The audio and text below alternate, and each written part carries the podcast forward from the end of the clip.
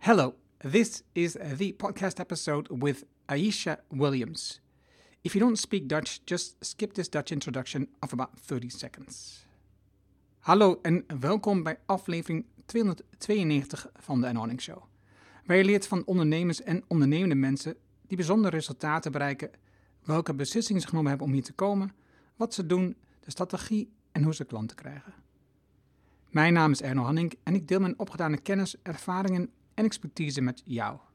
Ik coach ondernemers zodat ze stap voor stap de juiste beslissing nemen om uiteindelijk een gezonde groeimotor te creëren, zodat de onderneming vanzelf loopt. Hiervoor gebruik ik mijn ervaring met meer dan duizend klanten die met exact dezelfde uitdagingen zitten. Vandaag het gesprek met Aisha Williams. Een entrepreneur, futurist en sustainability activist, Aisha is dedicated to reimagining the future of impact and sustainability. She's the founder and CEO of ImpactVest, an impact mission driven firm focused on creating an impact investing ecosystem that supports investors and startups to drive purposeful impact change. Aisha is on a mission to drive positive change through promoting sustainable capitalism and the 2030 United Nations Sustainable Development Goals. Aisha believes that impact investing is a catalyst for change across sectors, providing measurable social returns that support her vision of a sustainable, inclusive, and resilient future. We live in a capitalistic society where almost everything is about money. The financial markets are huge and have a lot of influence on business, governments, and us, the people. Aisha wants to have an impact on the sustainable development goals and sees possibilities to do this with the financial markets. We discussed how we as individuals, companies, and the government influence how the money flows so you can also use it to realize improvements on the sustainable development goals. It was a great conversation which gave me a lot of new insights about how this world works, and of course, especially how Aisha got into it and how she's using it now to have an impact, to make a change in this environment. So, enjoy the insights with Aisha. Let's get started. Welkom in de Erno Hamming Show. De podcast waarin je leert over de beslissingen om te groeien als ondernemer met je bedrijf. Luister naar de persoonlijke verhalen van succesvolle ondernemers en ondernemende mensen. Dan nu, jouw business coach Erno Hamming. Hi, today I have a conversation with somebody I just met through another podcast episode, um, Aisha Williams. Welcome, Aisha. Thank you. It's such a pleasure to be here. Yes, and the, the how this came about was um, I we published um, I published an ep- episode with um, um, Sebastian Klein uh, last the week before, and there you commented, and I I went through your LinkedIn profile, and then I thought, oh, that's an interesting topic that you have there, so I invited you. and I'm happy that you did. I yeah, uh, because when I saw that he posted about the climate challenge 2021, I was like, well, that's something that I want to focus on. right. ImpactVest, right? I'm I'm I'm always brainstorming ways of uh, trying to make more of an impact with my firm, and so I thought this is this is a great way to start off 2021. So you're about it. I'm I'm happy you said yes, and why I'm so happy is because um, your topic is not very common on my podcast. First of all, um, and that is finance, and you have a very um, governmental kind of background. So you are an entrepreneur now, but you you you come from um, uh, university, from from government. So you have a very different background from uh, what I what my guests normally have. So it's a, it's it's going to be very interesting to learn about how you got where you are right now. So let's start with something which I didn't understand because I, I just don't know what it means, and you can explain because you the first work experience that I see on your LinkedIn profile is U.S. Boren scholar. What is that? Yeah, so I was a US Boren scholar. I, I, I still am. And I received this when I was about 20. So I was a sophomore in college back in the US. Um, and basically, we got a scholarship to study abroad. I studied in Brazil, and then we do service for the US government. So I did my service for the Department of Defense um, for about eight years. Uh, and um, that's that's how I got through school. I, I did my master's, um, being a Boren scholar. And what it was, it is an initiative by the US government to be able to study other cultures and countries, to be able to uh, make the US actually uh, more of a multi ethnic country that we're more welcoming. And so it really, it started, I think, in the early, maybe 2010 I think two, two, 2010, I think the first US Boren scholars, because there's a real um, kind of need for the US to get to know the rest of the world on maybe more on a ground level, right? And that because in general, I think US education tends to be a bit insular in, in, in terms of history. And so and so that that was an effort to say, okay, we really need to go out into the world and we have to really learn about other cultures and languages. But at the same time, when you do that, you start to be able to critically look at your own country, right? And so that's that's the idea of a Boren scholar that we're all we're all um, you know students, we're all in the states, um, but when we spend enough time abroad, you start to pick up aspects of different cultures and countries, and then you start to be able to look at your own country and say, well, this is what we can do better, right? Um, these are, there are lots of areas that we need to improve on, like all countries, right?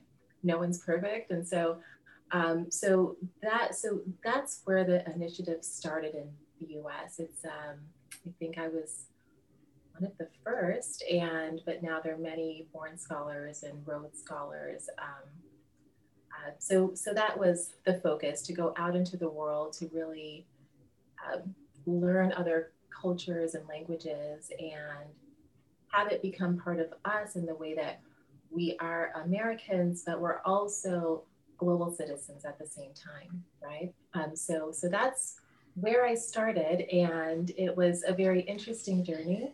Like we were speaking pre-podcast, I was a ballet dancer and um, I had lots of injuries and I was a teenager, about 17, 18. And I said, well, you know, this is not going to work. I don't think a dance dance career is in my future. Um, and I said, well, what is the thing that I love almost as much as dancing, which is traveling, traveling and learning different languages and studying other other cultures. So I went to college and then I won my scholarship. Um, and then I became a Boren scholar. So so that was my journey. And then the next year I went to Brazil. So okay, I, hold on, hold on. So so okay, a couple of things. What I understood from this is that so you get money, so you get finance to study abroad. Right. And in return you do service. Right. and so and um, also you win a scholarship because there's just so many people that can get this finance so that you have to win it um, uh, from all others. And what do you need to do to win this? So what we have to do is we have to write an essay and there's a jury. So what we have to say is why why we think that this is important um, for the us right? To to be able to make our country um, a more welcoming country and uh, and really what to do with our values as a country. And so my my essay that actually thinking back on my essay to be a us Boren scholar all that i've really done is expanded on it in my firm because my my um, main idea in my essay was this this idea of of the other right? When we speak about other countries other cultures other languages what we're actually doing is just putting them in a different category. And, and actually we're you know there there is no category. We, we can we can speak about different countries but you know at the end of the day we're all humans. We all have the same challenges that we're facing every day. We all have families. Um, so that was the point of my essay is that if we really do want to speak about how how how can we advance american culture or how how how does it look in the future we do have to speak about a multi-ethnic country, that is true, but we also have to speak about how we have to um, stop putting people in the other category. And so that's and and that that that was the basis of my essay, right? That the first thing that we have to look at is that we have to connect to other people on a human level, right? Beyond nationality, beyond language. Um, that's that's the first thing that that we have to do. Right. And and, and so that so that was that was the basis of my essay that if we want to speak about learning about different cultures and languages what we also have to recognize is that um, when when we speak about um, trying to analyze them in terms of American culture, that we at at the very basis, I believe that we all share similar values. It's just that we express them in different ways depending on where we're from, right? So, um, and so this was my um, Boren essay to win the scholarship. I think there are only about 100 students across the US who win every year. And so I was very surprised to win it. And uh, yeah, and then that kind of set off my public service journey. And then I ended my service about eight years later. and and um, I wanted to stay in the Foreign Service, but I had spent so much time in public service. I won my scholarship at 20, right? I ended at 28. So that was basically all of my 20s. And so I and so I wanted to do some something else. I wanted to explore the private sector. Um, and I actually in when when I was in Rio, I met a gentleman who worked for a Chinese supplier, and I went to China to work because the trade between China and Brazil was was growing. Um, and I was helping them understand South America. They needed a translator, so I so I went to China from Brazil. I spent about three years there, and then I came here to France. So so that so, so it was quite a journey, um, but but um, I'm I'm glad you asked about that because that because that really was the basis of my essay, and I'm from Chicago. Um, and I think it was very important for me to, to be able to highlight in my essay to become a Boren scholar how important it is to, to really speak to people on a human level and really understand basic values that we all share because um, when you're coming from a, such a multi-ethnic city um, that in all of our families, someone came from a different country or is an immigrant, right? Um, and and and so that was really important for me to say, you know, there you know there are different aspects of being an American, and there there are different. Uh, you know, if if you speak to any one of us, we have a we have vastly like a wide way of um, experience um, in in the in the country, depending on where we're from and our in our in our family background. And so, um, so so that was really in in my essay to say what we really need to do is get beyond the categories and really get to who people are on kind of a deep human level, and that can translate a, across any country that you go to. Um, so so that so so so that stayed with me mm. right through through all of my service. Um, you know, I went to China. I, you know, I always say that um, when when I have friends who ask me about living abroad, and I say, you know what, I have friends in all different countries because when you know when you meet people that that you like, you you you you just bond. It doesn't really matter what culture or country you're in, right? Um, so so so that's actually what stayed with me in building ImpactVest because it's the same idea that that when when we speak about impact and we speak about sustainability it it goes beyond sectors. I, I think it's at least in finance and investment, sometimes it can get very analytical and it can become like its own category. And for for me, it is the same idea that when I applied to be a Boren scholar, that actually I don't think that that there is that you can't put things in its own section or there you really have to integrate it within all of finance and all of business, right? But that's but that's difficult too because I think naturally we like to place things, right? We so um, uh, and how how do we get beyond this of uh, um, of placing things in a certain section and saying, well, this is the criteria for this, right?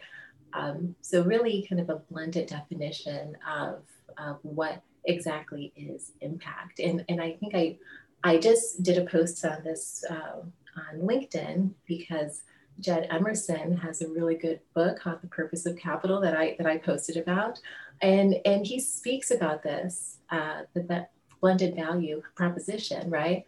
And it is this idea of we have to get beyond this binary concept of sustainability and impact and investment because even the words are separate we have to think about it all in one word or in, in one thought or idea. So i'm so i'm glad that you asked about my Boren scholarship because it because it's the same theme i i think that runs through my service and then traveling and um, exploring the, the private sector um, this this idea that um, and you know my background coming from Chicago is that is is is that you know we really have to understand that we have shared values and it right. doesn't matter where where you're from. So so so yeah that's that's kind of been been my journey from government to so you've been to um, south america to china to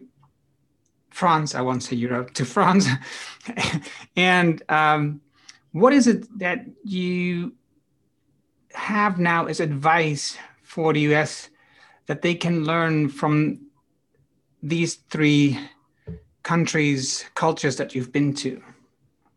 Well, the first thing I'm going to say, and I may get a lot of feedback from this, but um, is our healthcare system. So, being in France, it, it is an incredible healthcare system here. I do wish that we would adopt this in uh, the US um, because I think there's a certain freedom when you don't have to worry about if you get sick, then you're going to go bankrupt, right? Um, you can focus on other things. And I, um, I talk to my family in the States and I tell them uh, definitely it's it's it's much easier um, having work life balance if you want to say this um, here in France, and I think it would be in the States. I mean, there, there are a lot of great things that we have in the US, but I think that our healthcare is something that has to be improved um, right away, right? Because if you are worried about your health or the health of your family, it makes it hard to progress. It makes it hard to actually build um, what you want to do or, or kind of um, think about other things that you want to do in your life. So so that that's that's the first thing. I think the French health healthcare system is uh, is great. Um, I do wish that we could you know kind of move this model to to the U.S. Um, my experience in China, I have a lot of good friends in China, and it was really there. I I was really kind of kind of taken in by my friends' families. Um, I have a really great story about going to one of my friend's weddings in the north of China by Harbin, but she lived in a village like close to the Russian border. And um, I had worked on my Mandarin. I thought it was pretty good, but it was, but it was great just traveling with with her. And they, you know, they um, I really got taken in by my friends' families and I was treated like family. And I'm really grateful for, for, for that. So I think in China, the idea of family and the group is something that is really amazing. I, I, I, I'm, I, I have good friends to this day, and it, and it really made it easier to lived there without and I went there I didn't speak any Mandarin right I I had to learn I depended on my friends for a lot um, even though I was working with a supplier there and I was teaching in Qingdao um, still still I you know there were lots of things I didn't understand. Reading in Chinese is very difficult. Uh, so so uh, so so so my friends helped me a lot. And so but I but I but I think the idea of taking care of the group and looking out for the group is something also that I that I think that we can benefit from in the U.S. And so um, so yeah so so those experiences have have really um, and and kind of inform my my idea of not only what, what we can bring to the US, but also this idea of being a global citizen that I think all countries have something um, incredible to offer in terms of culture. And, mm-hmm. so I, and so I so I think if we find those aspects and we and we and we and we speak about it, um, I think it can really make all of us more aware of how much we share. A, a, maybe a, when we think of about across cultures and, and uh, uh, even even countries. I think this idea of nationality is once you once you really live in different countries and and really learn languages and um, language holds a lot of culture also right and so when you really start to understand this uh, you it becomes easier to look at your own culture in a more critical way and say, you know, this is what we could really do better, right? And and if we did this better, um, it makes you understand other countries in a more human way, right? And not to say, well, you know, they are they are French and they're you know whatever. So so um, yeah, so I so I think that's probably the best lesson I picked up from living across the world is is there there there are shared values that we can definitely apply to our to our own countries but i think i think every country has something to teach us i think we're like a patchwork a quilt of things that we can all teach each other and then you know we we all have to be open to it was there something specific that you learned in rio de janeiro in in in in terms of what i would like to take what you wanted to implement in the US? Um, so I think that the healthcare was the biggest one. Um, oh, so, so it's it's similar to Europe and in, in, in Brazil. Oh, and Brazil, and so in so in Brazil, um, I I it's it's like my second home. I spent so much time there. uh, I would say it would it would be somewhat China. It's it's it's the it's the kind of the friendship and the openness and people are so friendly and and and um, it was it was the same thing. I literally went from being a freshman in college to going to Brazil and spending most of my time there. So. Um, and all of my friends are really welcoming and um, i it, it really is my second home i have lots of friends and um, yeah, I, I spent most of my kind of school days there, and so, uh, but I, but I, but I think in Brazil, I think it's um, when we speak about a multi-ethnic culture, right? It's that that's that's kind of they that is it. I I I, think that there is there is there is such like a kind of a joy to living in Brazil and such such an openness and and um, and it's I think in general people are so positive, right? And and it's it's it's just something in the air that you kind of catch on. I I, it, I have a I have a funny story about having to go back um, because as Boren scholars we would have to go back, right? And uh, we were still in school, right? So we so we had to go back for for classes, um, and I could feel the difference. I I know I landed in Miami and it just felt so kind of quiet. I was like, oh, okay, you know. So, so, so there was kind of something in the air in Brazil, but but I was in Rio too, um, because I went to school in Gávea for the listeners in Brazil. So, um, so also I think Rio is is kind of special in the country too. But but um, yeah, definitely, I think in terms of just kind of the joy of living and being friendly and being really really welcoming. Um, I think it's I think it's great. It's but it but it really is my second home. I think I I am looking forward to seeing my friends and yeah, it's it's, uh, beautiful. So um, I'm having another issue, not with you, don't worry, with with uh, this word impact. I, I'm using it a lot as well. I want to help entrepreneurs that that have a positive impact on the world, that want to change the world in a, in a, in a better way. But when I use this word, I get often the question, what do you mean? What is what is what is that impact? So how would you explain because you are interested in, in um, investing in people, entrepreneurs, companies that have that that make impact. What is your um, definition, or what are your um, uh, points that you say? Okay, a company has to fulfill these when they make enough impact for you to invest in them? What is why? What is impact?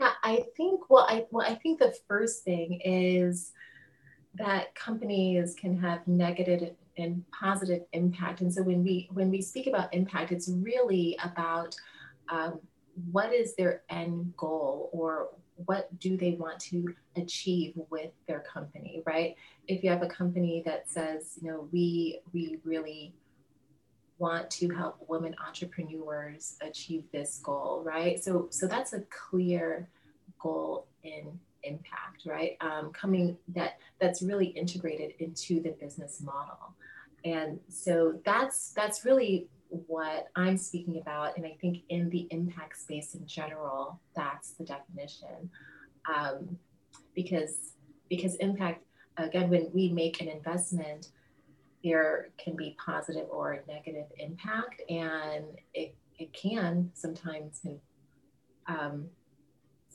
be like if, if you have a company who is being analyzed for their materiality or kind of the climate change effects on their portfolio or supply chain, that's a negative effect on that company.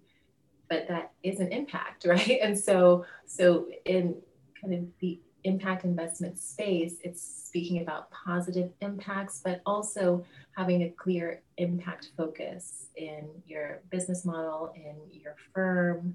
Um, what do you want to achieve? What is the end goal? Who is being affected at the end? Um, so, so, so that's that's the focus, and so it's not um, this binary notion of in if you have impact and investment, it's about, well, how is impact integrated throughout the business and throughout the firm, right? And and that's really what I'm speaking about. And I do think it's the evolution in the impact space. Uh, we really have to think about investment or even creating a business uh, from the very beginning. When you create the firm, um, how is it going to be sustainable? What is how is it going to benefit your clients or your stakeholders or your customers right? From from the very beginning. So when you create your business or your firm you are you are thinking about um, the positive impact on your stakeholders. Uh, so so that's that's really it. But this is i would say it's an evolution in the impact space um, because it has been thought of as well we we want to be able to speak about ESG and we want to be able to quantify it in some way. And that is true. I think we have to be able to quantify it but at the same way it really has to be integrated into the business itself. And so it um, guides every transaction and every interaction with a stakeholder and so that's so that's the definition of impact that I'm that I'm speaking of. Um, and I and in the impact space, that's that's kind of what we're talking about is um, really that blended value of when we speak to customers, when we create products, when we launch services, how how is that person being affected? Um, is it going to be in a positive way? Is it a negative way? Um, but but to think about it, right, and to consciously think about well, if it's if it's negative, how can I improve that, or how can I turn it into a positive? Because I think it's not enough of being conscious of what the effects are, right? Um, even if there's a firm that says they're a sustainable firm um, and, and these are their products that they have launched in the sustainability space, but what are the actual effects of the choices that they're making for for their stakeholders? Are they are they doing it in a way that will create positive outcomes for them in the end and will create impactful outcomes for them in a, in a way that benefits their lives or their businesses and their stakeholders, right? And so it's about impact integration, um, which is which is what I'm exploring in my firm. When we speak about impact investing, and sustainability, it should it should actually be from the very beginning of creating a firm in in every transaction. Also, when we if if if we're going to speak more on the finance side, because right. still it's it's it's still very much thought of different categories um, of investment, and so th- so it's really the evolution of it of the definition so what I also hear a lot is that you mentioned stakeholders a lot instead of shareholders. Is that also a point that you that as a company who wants to make an impact, a positive impact, um, you focus on all stakeholders instead of just on the shareholder? I, I well, I think it's important to focus on all stakeholders. Um, and like we were speaking about before with ImpactVest, I um, really want to make my team into partners, right? I, I think it's important, you know, if, if we just speak about shareholders, we automatically get into the paradigm of, well, we have to think about the return for, for shareholders, right?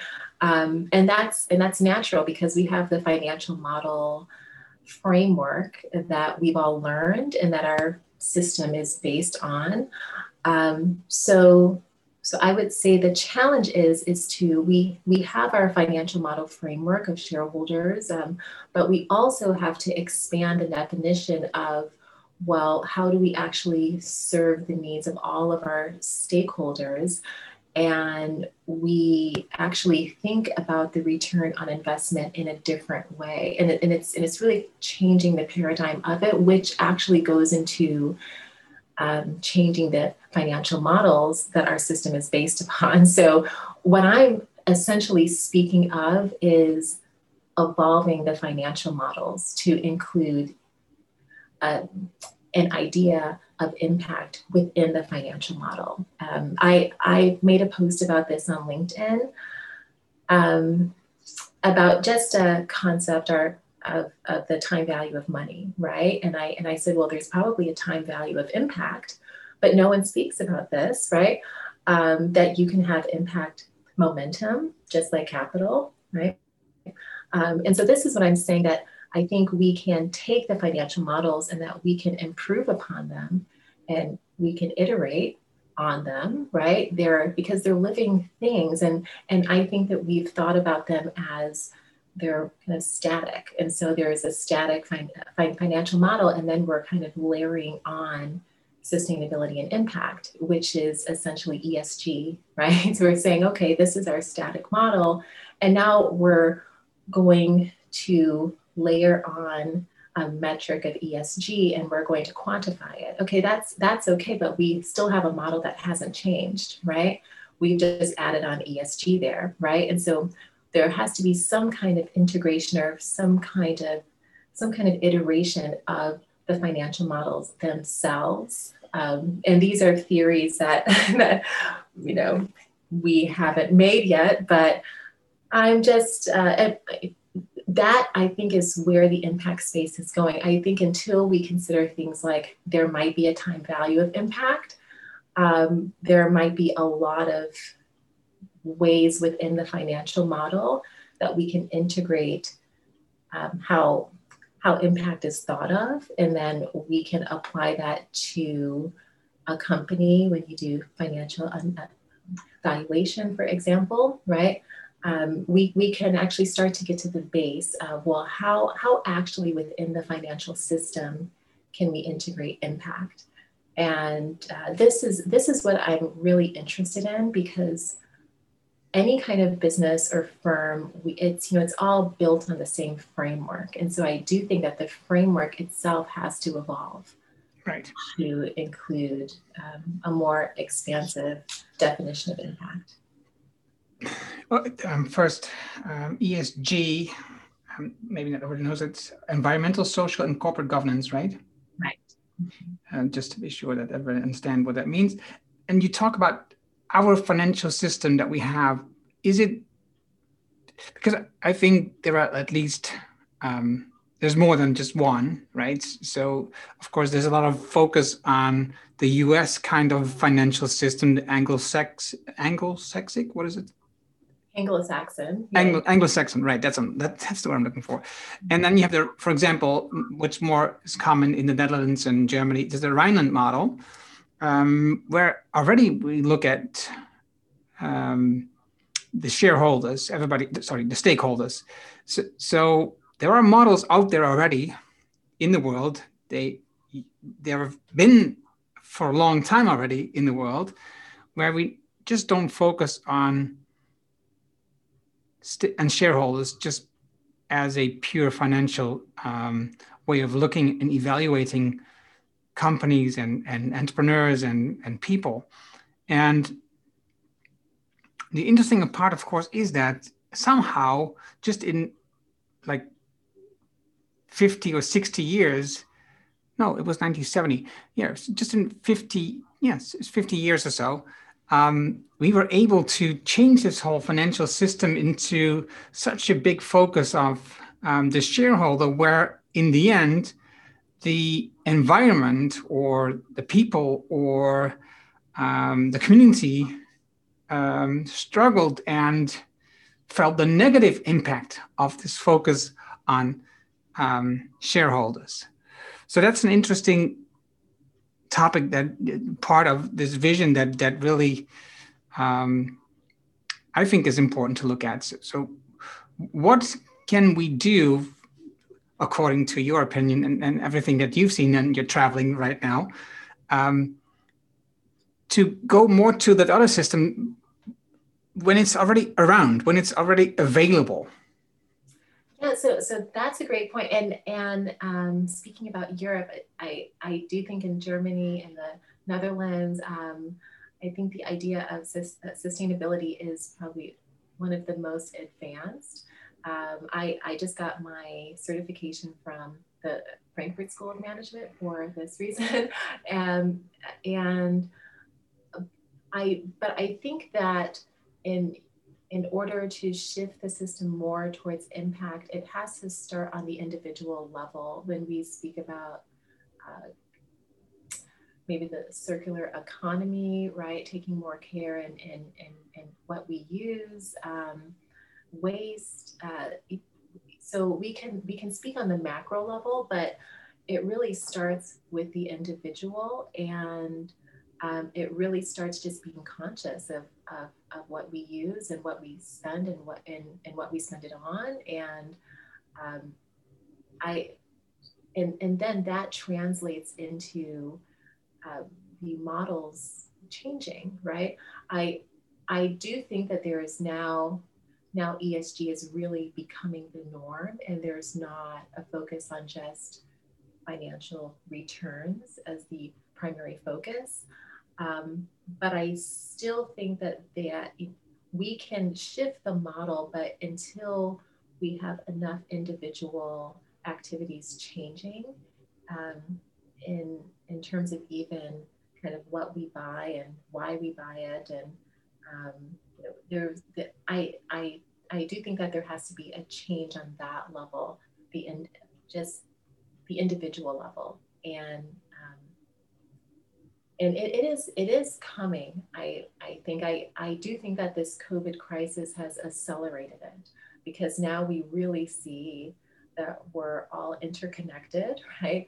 Uh, we don't live in a bubble, so um, I do think that investment in green tech and the environment and climate change and will will really accelerate because of this crisis. But um, but other than that, I do think it has to, right there. There does have have to be a change on the um, the level of the individual and of the firm also in business and on why is someone launching a business and um, but yeah, it but it's but it's getting there. I I, I do think that there is a consciousness that wasn't there before in terms of it is really necessary to do as much as we can to solve climate change and to mobilize capital towards towards these initiatives. Okay. What do you think is the role? No, that's not the right word. What kind of role could the government play in this? Oh, I, I think they can play a huge role. I, I think about the EU taxonomy um, which I, I do think that the government has a very important role to, to play because like the EU taxonomy, um, and even here in, here in France, uh, they're, they, are, they are able to set criteria and to set mandates for private companies. Um, uh, this is a bit harder to implement in the US, but, but I, why that's needed uh, because of because of the idea that there should be the least amount of government influence possible in the in the private sector. Um, that that is the debate, and and and I do think that's the challenge to implement green sector initiatives. But with the current um, administration, it it will be possible. Um, it would be great if we had something like a taxonomy in the US also, because the government plays a large role in this, um, uh, just, just like the EU taxonomy. It, there, there do have to be certain guidelines that that if that if you have a firm that you can follow and that you can see that okay this is this is the level or the criteria that I need to accomplish um, but I but I but I do think it's coming in the U.S. I, I think there's you know, there's there's a Green Deal that's that's, going to be launched, um, but I do think that here here in Europe um, is really kind of setting the pace for for that um, because it's because even when we speak about the ESG indices. Um, it's all voluntary, and so companies can voluntarily disclose um, how how they're following the metrics in terms of ESG. Um, so when, whenever it's a private sector initiative, it's a great initiative, right? When you have private sector ESG indices and private companies, but when you add the government uh, criteria to it to make it mandatory, I think next next month, for example, um, all asset managers have to disclose the ESG criteria that they're using in portfolios here in the EU. Um, you know, so so that so that adds another level of compliance hmm. that I that I that I that I do think is needed because when it's a voluntary, we we tend to fall into this role of okay, well, we maybe will not disclose some information that might hurt our bottom line or our shareholders may may not like this, right? Um, yeah, but but that but that also I think is a big debate in the U.S. But I but I but I but I do think that a taxonomy is needed in the U.S. like it is here in Europe. Um, but on the other hand, that does mean that there's more government criteria and compliance over private companies, which is which is where the debate is. So, coming back to your, um, you mentioning that you think that it has a lot to do with um, how we personally also are into this, right? So that we have to make conscious decisions of what we buy and how we use it and so on. Also, I think, and I'm I'm I'm I'm um, bringing this up just to have a conversation about this, right? I'm not attacking you. so, so for example, if you're looking at the um, food, right? So if you're looking at meat or anything uh, like grain or um, vegetables, um, there is huge um, companies, con- conglomerates, um, huge, huge um, companies in the world that have so much power that they are only interested in increasing their um, revenue and profit. And what they do is they have these, like Mariana Mazzucato mentions, um, have these backroom deals with the government um, for you know taxating other th- stuff and not their stuff. And for example, if you're looking at the meat industry, I just looked at a documentary on um, by Deutsche Welle, uh, um, which is on YouTube, and it talks about why is meat so cheap, right? So if we put it into the hands of the individual, then what in general happens is that um, we talk with our wallets, right? So when we have um, vegetables that come from our own country, um, so there's less travel, there's so, so the product, the produce is um, at the right timing with the seasons, everything fits and has the least economic impact on the world compared to um, uh, importing um, stuff from either you know India or South America or anywhere, just because we want to have this this full range of choice on vegetables.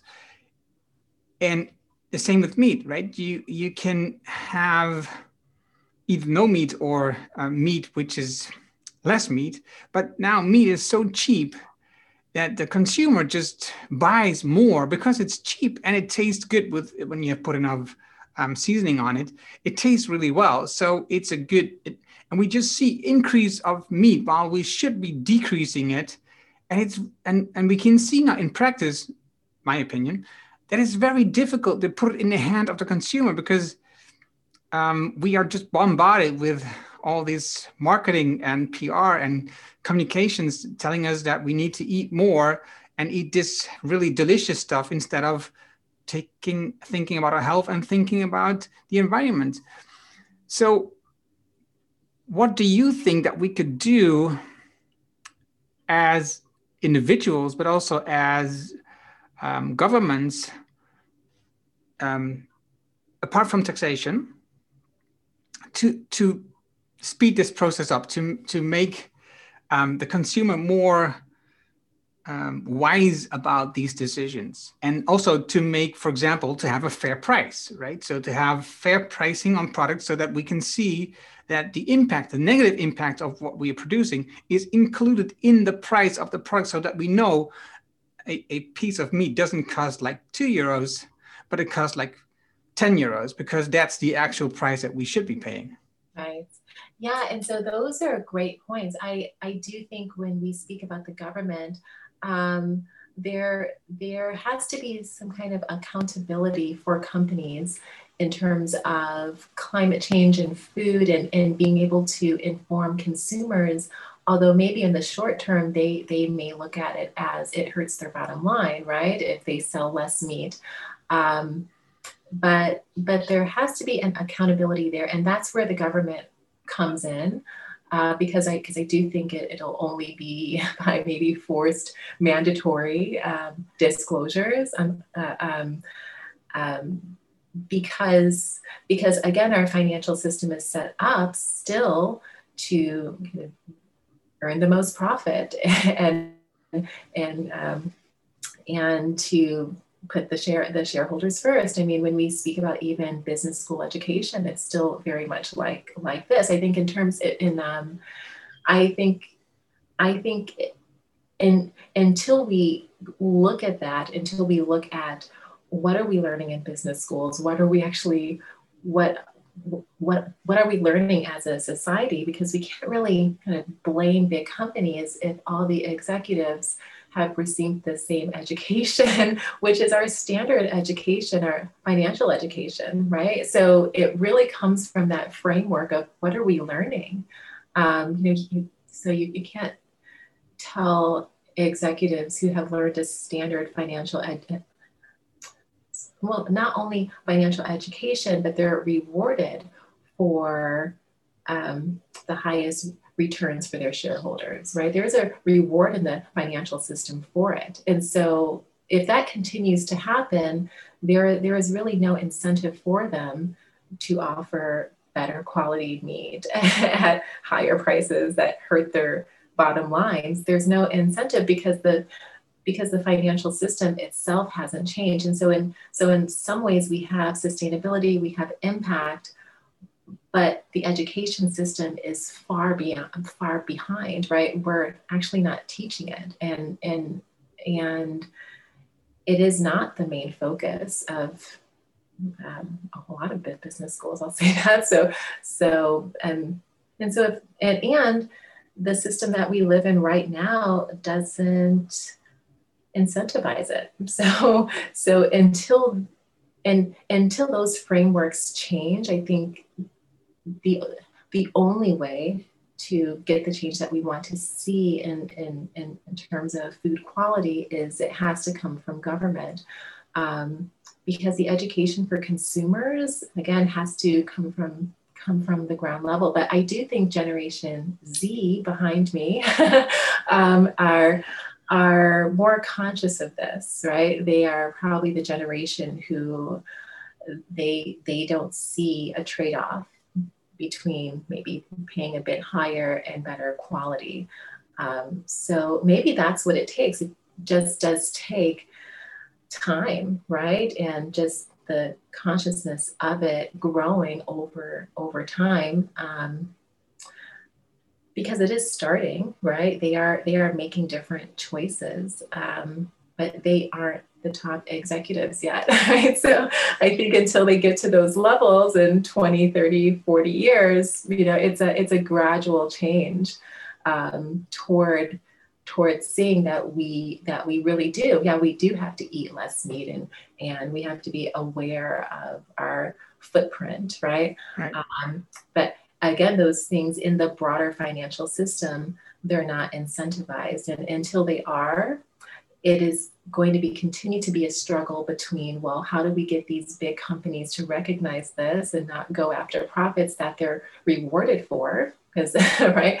Um, like if we just look at wall street if we look at this like things oh, a whole lot of things in the financial system really haven't changed on a fundamental level. And so we can speak about sustainability and impact but then the fin- the financial system really is you know it's it's the same models right? And and so that's why i speak about really looking at the models them themselves. Why why is profit still the number one criteria? I mean so yeah we we we have um, more esg and um, kind of standards and metrics but at the same time it's been layered on top of a pretty static financial system whose whose models haven't changed, right? Um, but that takes a change in thinking. It it, it takes a change in education mostly, mm. right? So so those are the models that have to change. So okay, you have been studying traveling, learning abroad, and also bringing the knowledge back to the US. How will you now impact with ImpactVest, this system? How, how can you change and um, lay down the first stepping stones for the new way of thinking? Yeah, so so the idea for ImpactVest actually came from my wealth management training at the University of Zurich in the Center for Sustainable Finance and Private Wealth. And it was there, you know, when we were speaking about um, speaking to clients based on sustainable values, uh, then I got the idea of actually, if we start with sustainable values and, and we start with speak about, speaking about positive impact and real impact for businesses and firms, um, and then we build a framework and models around that, then we can start to mobilize private capital toward sustainability, right? Um, starting with values first and sustainable values first. And this is my idea, which is why I speak about you know, my firm as a as a sort of exploration of impact, right? Which is, you know, I started with my uh, firm as an advisory, and there are about four or five of us, and then and then the app linking pre-seed startups to impact investors, and I'm working on at, at the moment. But these are all different perspectives on how do we actually integrate impact and sustainability into business models and how do we start with sustainable values first and build a framework around that um, because the overarching um, main thing that i'm concerned about is the financial models and how if we don't address how to integrate sustainability and impact into the model itself, how can we move forward, right, toward the 2030 SDGs?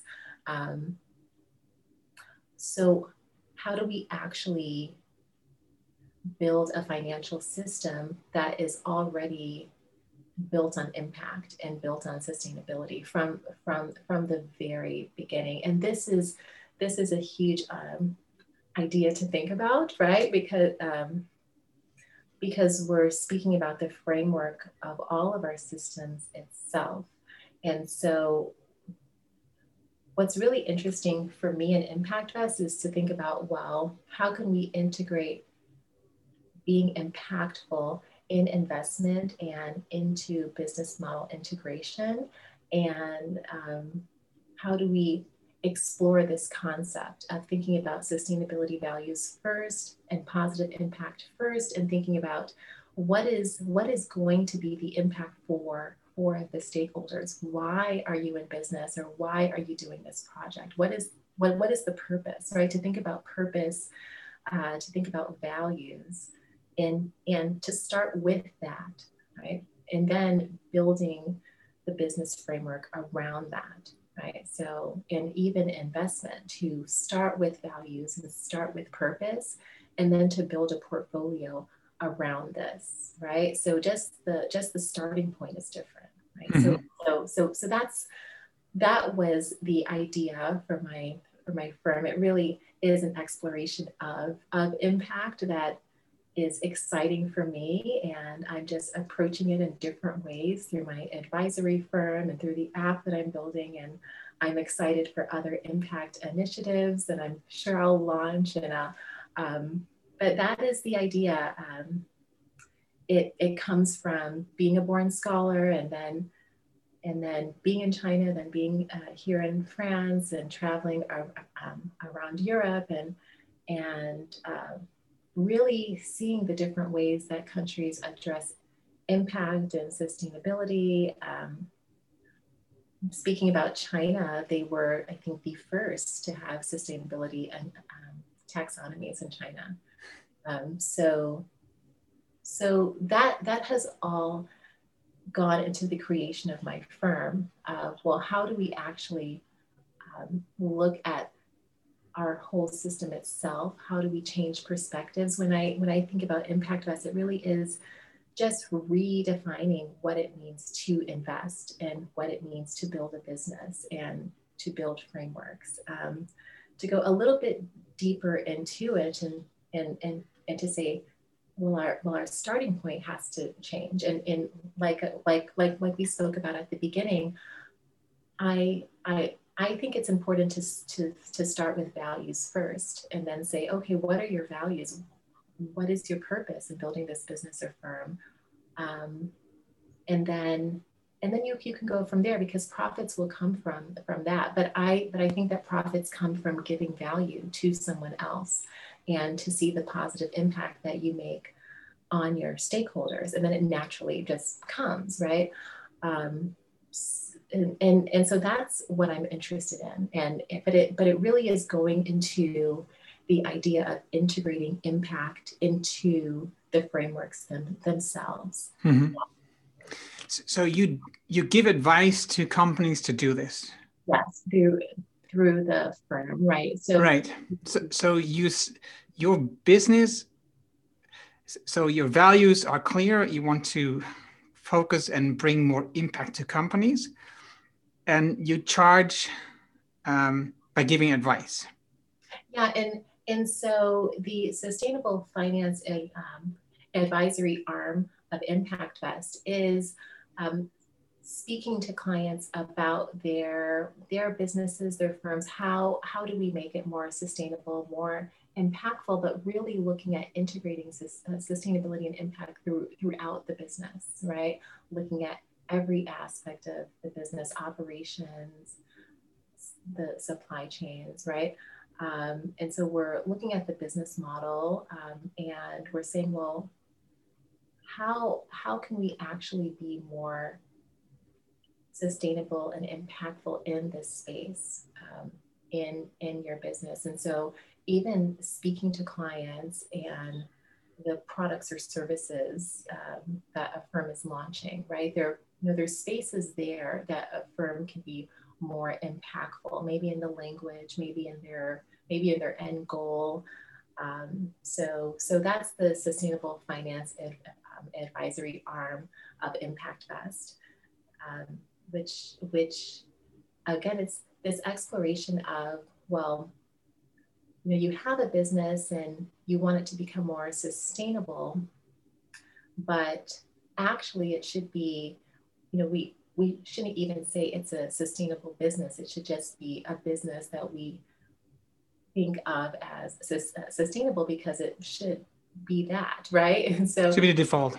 Right. And and and so that's that's where we're trying to get at is if you if you like come to us as a firm we want to say well you should really just think about the business model itself as impactful right? Of of how do you speak to clients or kind of what are you what so what suppliers are you um, contacting to build build your products? What is their track record right? And so it's really kind of thinking about all aspects of the business and saying okay you know we're, we're not only a sustainable business but we're very firmly in the framework of sustainability throughout the business model. So right. So um, who are your typical clients? So we have started out we actually started out with working with uh, brokers in the US who have uh, portfolios and uh, clients who they want to introduce to impact investors that they just wanted to receive more education on ESG and sustainability to, to be able um, to go to their portfolio clients and um, make them more sustainable in order to get impact investing right? And so that kind of made those were kind of our first couple of clients. And then, you know, now we're working with a few nonprofits who want to be, either launch uh, a few impact initiatives, right? And, and who want the framework and the models to be able to do it, right? Um, so the, the, the, first part that you mentioned is by being at these um, brokerage firms, that, that's really at the core yeah. of, of, of the whole financial system, right? Really is. And, and that was very interesting starting off there. Um, and actually today, most of our clients are brokers. It, it, was, it was really interesting. I didn't think that that would be uh, the, the, the focus, but it, but it has, um, it's been great working with our, with our clients because again, I'm, I am interested in remobilizing capital and being being able to be at the core and being where you know being being at the core of saying well you know we we have portfolios. I think they have port, port, maybe portfolios of 30 50 million right? And but at the same time they they wanted to know the frameworks of sustainability and to be able to go to their portfolio companies and and to and to help them pivot towards sustainability. So i do think if we want to talk about change in the fin- financial system, you know, it you know it starts with the brokers and speaking to Wall Street, and um, because we are speaking about capital and we're speaking about mobilizing capital and private equity. And it, you know if if we don't get them on board it's going to be very very difficult to to solve our ch- challenges and the sdgs it can't all come from the government. Um, and this was something also i was interested in finishing my service because um, because it was very clear to me that government that was was not going to make enough of an impact to solve the challenges that we face in the world. There, I mean, I mean, it really has to come from the private sector, especially from private equity. So, uh, there, there, there really does have to be, I would say, ESG, sustainability, impact education, and I speak on the education level because it just, you know, the frameworks and the models that we know very well. Um, especially here in Europe or in the sustainability and impact space, surprisingly, it hasn't gotten to private equity enough, right? It's still it's still very much in ESG metrics, maybe speaking about, you know, the main companies like Morningstar, Sustainalytics, okay, but really speaking about frameworks and models and impact integration, those those are very new new new concepts. But that's where it has to hit, right? Right. It right. has to hit in the broker space. It has to hit in those spaces so that we can really start to see capital being mobilized towards uh, sustainability, right? Um, so it was it was actually great to start off in that space because I because I feel like we're making a whole lot of progress too. How, how did you get those clients, those first clients?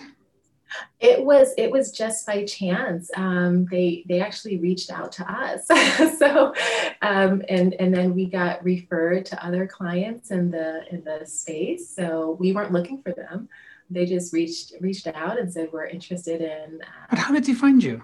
Sustainability uh, they they actually contacted my senior partner through LinkedIn. so LinkedIn, so it's a it's a great resource, right? Um, but yeah, so so they reached reached out to us because we we didn't think that we would be working with brokers. Um, but it's but it's proved to be a space that I feel like we're making a real impact uh, because there there is a need um, that is coming from from the broker space of saying, hey, we we want to learn more about sustainability. Um, we have these huge portfolios that that we're managing, but we um, want to get into the impact space, right?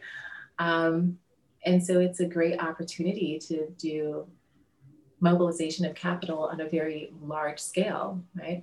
Um, even if you work with a couple of brokers, you're already affecting hundreds of millions of ton, uh, dollars or euros, right? So, uh, so that's been very interesting. So yeah, it was it was just that they reached out to us and we were like, oh, yeah, well, we'll cool. we'll we'll see how it how it goes. But uh, but but that's also I think um, you know when we speak about sustainability and impact, we actually do have to speak about those spaces. About well, what about the broker space? What about portfolio management, right? We have to kind of get into those spaces and start talking about uh, sustainability and impact models also. Mm-hmm.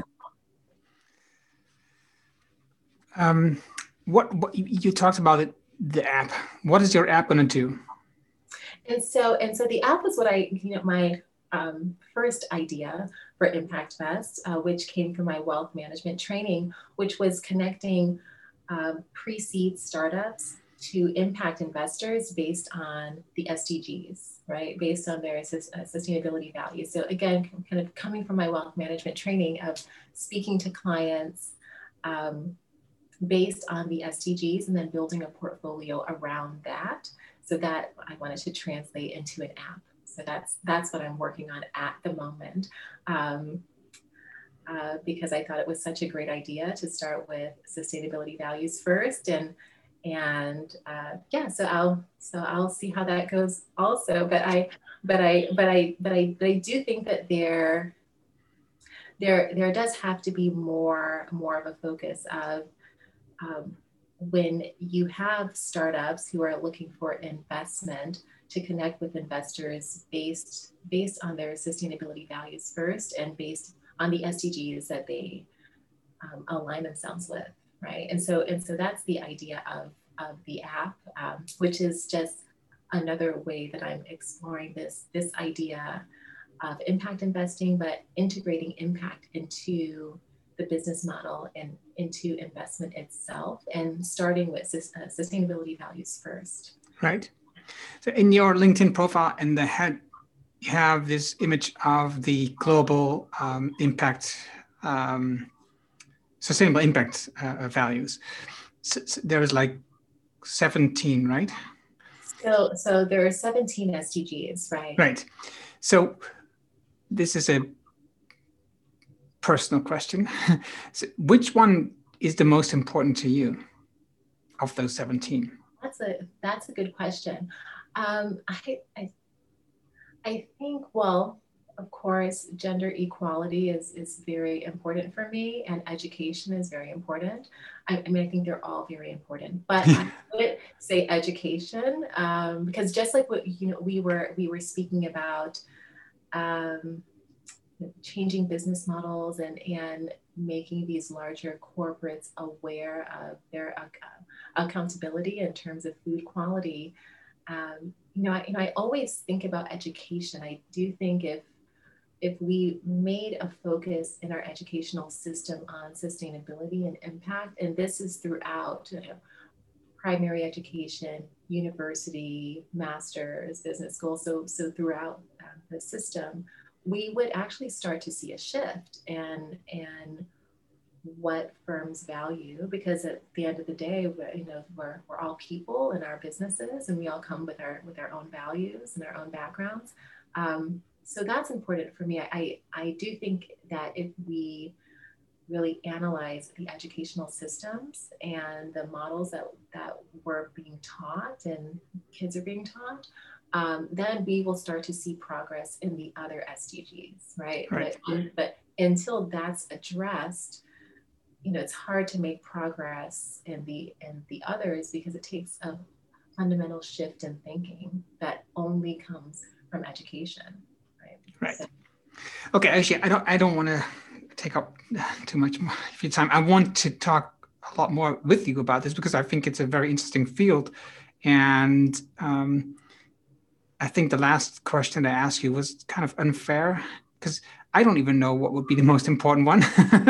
That's a great question, though. I mean, you know, you know, when we look at the SDGs, I mean, every single one is really important. Um, but then they all take investment, right? When when we speak about clean energy and clean water and food security, so um, you know so so we have to think about like where where is the investment going to come from for, right. these and, and, so that so so that's that's what i'm interested in too. We we know it has to come from private equity. Okay so it, if it has to come from the private sector and private equity how do we get them to invest? Which comes to frameworks and models which comes to education. So so so so there's so many so many underlying factors there. Um, uh, that that have to be addressed in order to reach the 2030 S, SDG goals. Um, so, yeah, but you know, we, we we're what nine nine years away. So it's um, but but I but I think that in order to to kind of start to find the solutions for for the SDGs, I I do think that there has to be a focus on impact integration throughout the financial system, right? right. And, and going back to education. Um, because even when I when I think about my own education, yeah, it started back in college, but I do think through through government really being on the ground level and um, and I, I, I did a lot of education initiatives in South America and Brazil, and then working in China, and then getting certified here in here in Europe. Um, and I've I've been I've been able to be educated throughout the world and see many different perspectives. Um, I do think that that has has to be more more of a focus because if you know who who knows who is who is going to be the next next top executive of a, of a of a big firm. They might be you know six years old today like like like we don't know right? And so it really comes from um, going into the school system going into the education system and teaching these these these values and mm-hmm. throughout throughout the system. And so i so i i, I do think you know when we when we speak about the sdgs um, there, there, there does have to be a massive mobilization of capital toward investment and, and how do we achieve this because they're because they're not going to be able to be solved without private equity um, really realizing that that that the models that they're using have to have to be modified in some way. Right. I, I, also think there's next to the private equity is of course the funds from the government.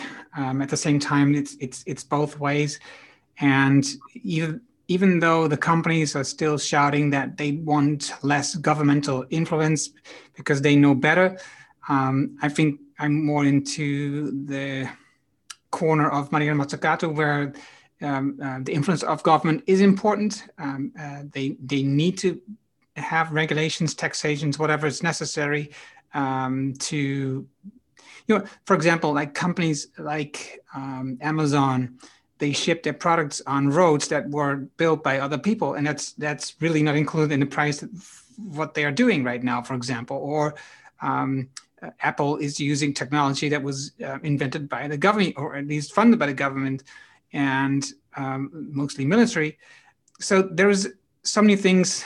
I think it's it it's it's a very um, it needs to go walk together, right? It needs to be partner hand in hand to walk together and um, both look at these issues that that you, that you just mentioned. I really um, enjoyed talking to you and learning more about this because it's it is a topic that is weirdly close to my heart because I I'm saying weirdly because I never thought that this was an, such an important topic on um, so finance on you know creating more impact. So I love um, that you were here. Thank you, Aisha, for that. And hopefully I can invite you again once you have a new white paper or once your app is running, I, would love to invite you again to tell us more about that too. So thank you. Um, before we close it up, where can people find you? Where can they get in contact with you? Okay, so I'm so I'm active on LinkedIn, and they can just go on go on my profile, and I have the link to ImpactVest and the advisory, and um, I have spaces open on my calendar every week that I love speaking to new people. And so they can just book a session with, with me and we can speak about uh, sustainability and impact or what whatever is on their mind. I you know I really want ImpactVest to be an effort you know from many many different sectors. I love meeting people from all different sectors and all different areas. And so i and, and so i actually leave hours open um, every week um, just to just to speak to people who want to speak about what I'm doing and we're interested. And so yeah, so you can you can find me on on LinkedIn, and I'm excited to be on this journey of of building and sustainability and impact, and really really thinking about new new models for how right. how to go forward. Um, yeah, but it is it has been so nice to speak with you, and, and I'd be happy to come back and speak about my progress and um, because we're because it's because it's definitely very interesting. I actually am having a lot of fun learning how to build an app uh, coming from wealth management and government. So it's so it's so it's great. And then working with my clients and building my team. Um, and that's another thing i think about building a business. It should be interesting. It should be fun. It should be something that you know like you're passionate about about. And and um, and I and I and I really do want to be part of the process of um, making real impact in the world in some way of funding an entrepreneur who maybe could not get funding in any other way or you know when we speak about brokers in the us and that you know they get a new idea and then they help their portfolio company and so so yeah i i am excited about being in this space. And I would love to come back and share with you about our progress. Great. Okay. There's one thing I, I just, I, I'm curious about. ImpactVest, does it have a website? Yeah, and so it, so I was actually working on the advisory first, and so that now I now I have to build the parent company website because I had to structure it. okay, okay. Correctly. no, that's because it, it, it's it's what you can see that I'm I'm I'm also I'm always interested in marketing as well. So so you, you found your first clients uh, through LinkedIn, and um, I looked at your profile on LinkedIn and. Um, I looked for your website, which I couldn't find. So you see so many companies just being so focused, for example, on building their website even before maybe even their values, right?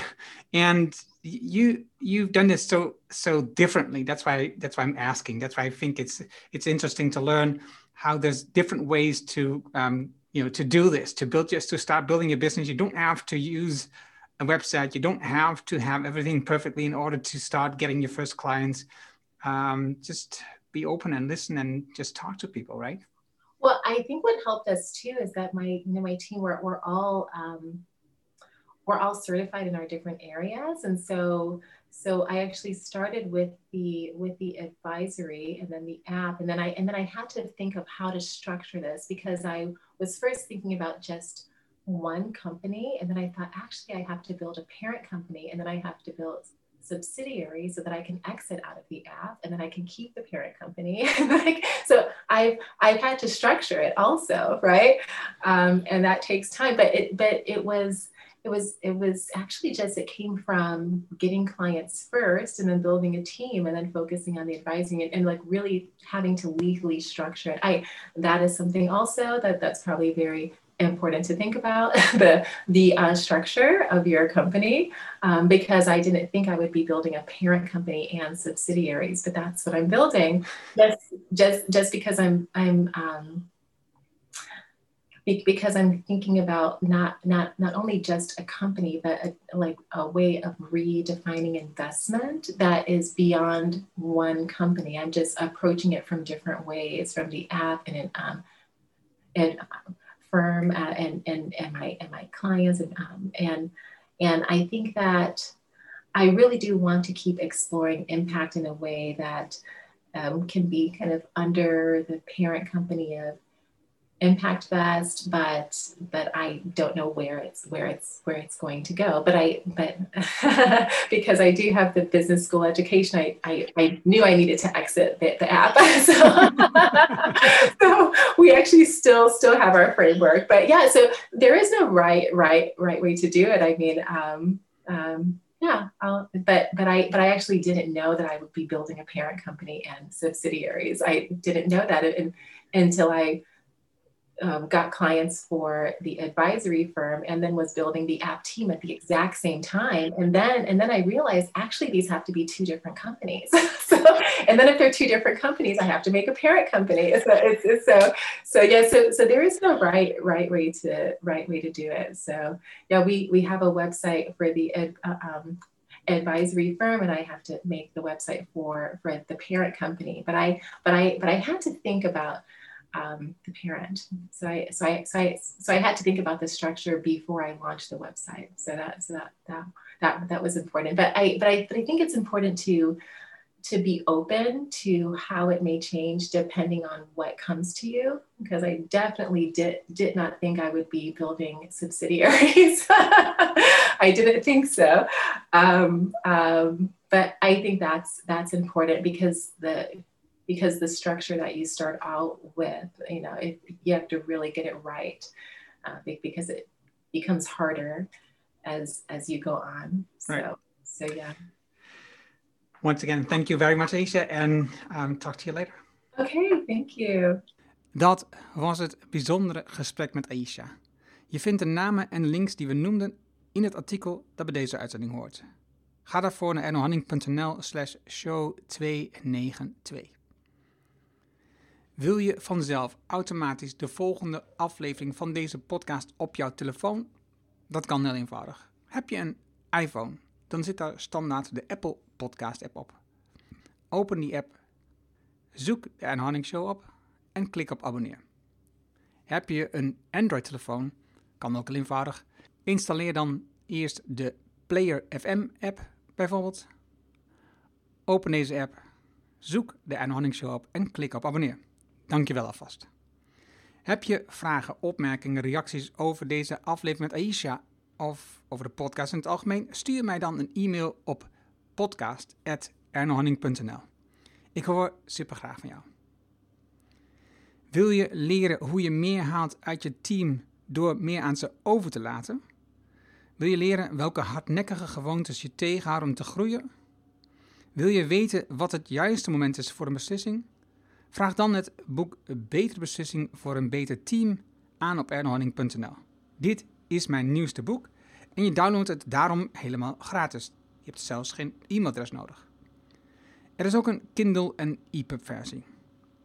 Wil je de papieren versie van het boek? Dat kan ook. Dan betaal je alleen de verzendkosten. Mijn nieuwste boek is altijd gratis. Vraag het daarom nu aan. Vraag jouw boek aan op ernohanning.nl en ik weet, je hebt een volle agenda. Je leest het in één avond uit. Dankjewel voor het luisteren en graag tot de volgende. Dankjewel voor het luisteren naar de Erno Hanning Show op ernohanning.nl.